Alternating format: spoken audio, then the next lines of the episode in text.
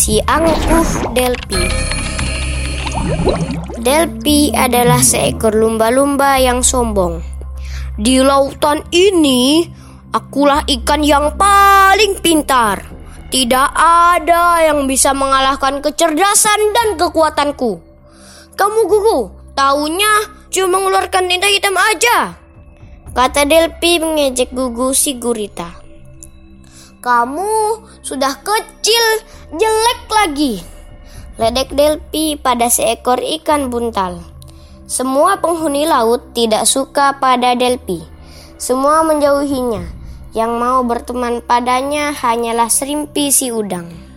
Kenapa kamu mau berteman dengan Delpi? Kata Gugu. Kasihan dia tidak ada teman. Balas Rimpi bersabar. Saat itu Delpi datang menghampiri mereka. Gugu langsung pergi. Hai Gugu, mau ke mana? Beli tinta ya? Tintamu sudah habis kah? Ejek Delpi lagi tak sudah-sudah. Kamu tidak boleh mengejek begitu karena kita sendiri belum tentu sempurna. Kata Serimpi. Kamu tahu apa Serimpi? Kamu saja hewan yang bodoh. Kamu tahu, manusia mengatakan otak udang pada orang yang bodoh. Berarti kamu bodoh. Hahaha. Delpi tertawa, Serimpi menggeleng. Delpi, Delpi, semoga kamu sadar. Kamu tidak pulang, sudah sore nih. Banyak hiu mencari makanan sore begini. Kamu lupa, aku hewan terpintar dan terkuat di laut ini. Tidak akan ada yang mengalahkanku. Balas Delpi angkuh. Ya sudah, aku pulang duluan ya. Benar saja, tak lama ada seekor hiu bergigi sangat tajam muncul. Delpi merasa takut. Hiu itu besar sekali. Mulutnya menganga lebar dan menampakkan giginya yang setajam pedang. Wah, tolong! Teriak Delpi. Delpi, sini. Tiba-tiba ada yang memanggilnya. Itu Serimpi. Dia sedang bersembunyi di balik batu dekat rumahnya.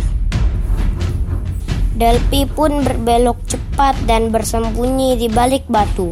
Hiu gigi tajam itu kebingungan mencari Delpi yang tiba-tiba hilang.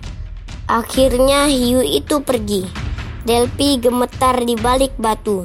Dia menangis. Dia sampai pipis saking takutnya.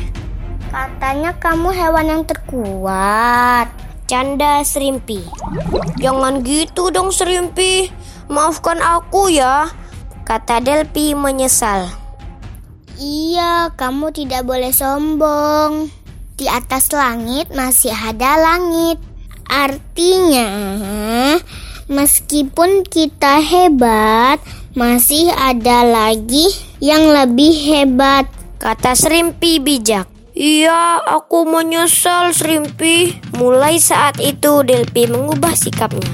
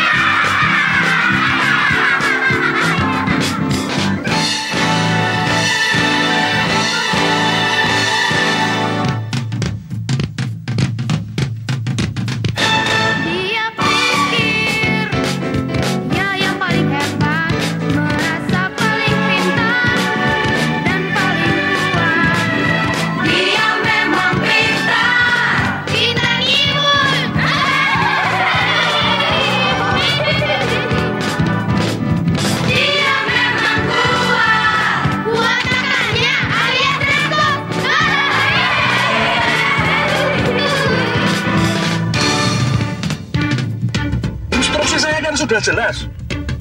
Cari sampai ketemu, lalu habisi. Eh, Hei, kamu ini kamu Temen kamu kabur. Kacau nih, kayaknya dia belum tahu kita-kita nih. Ya.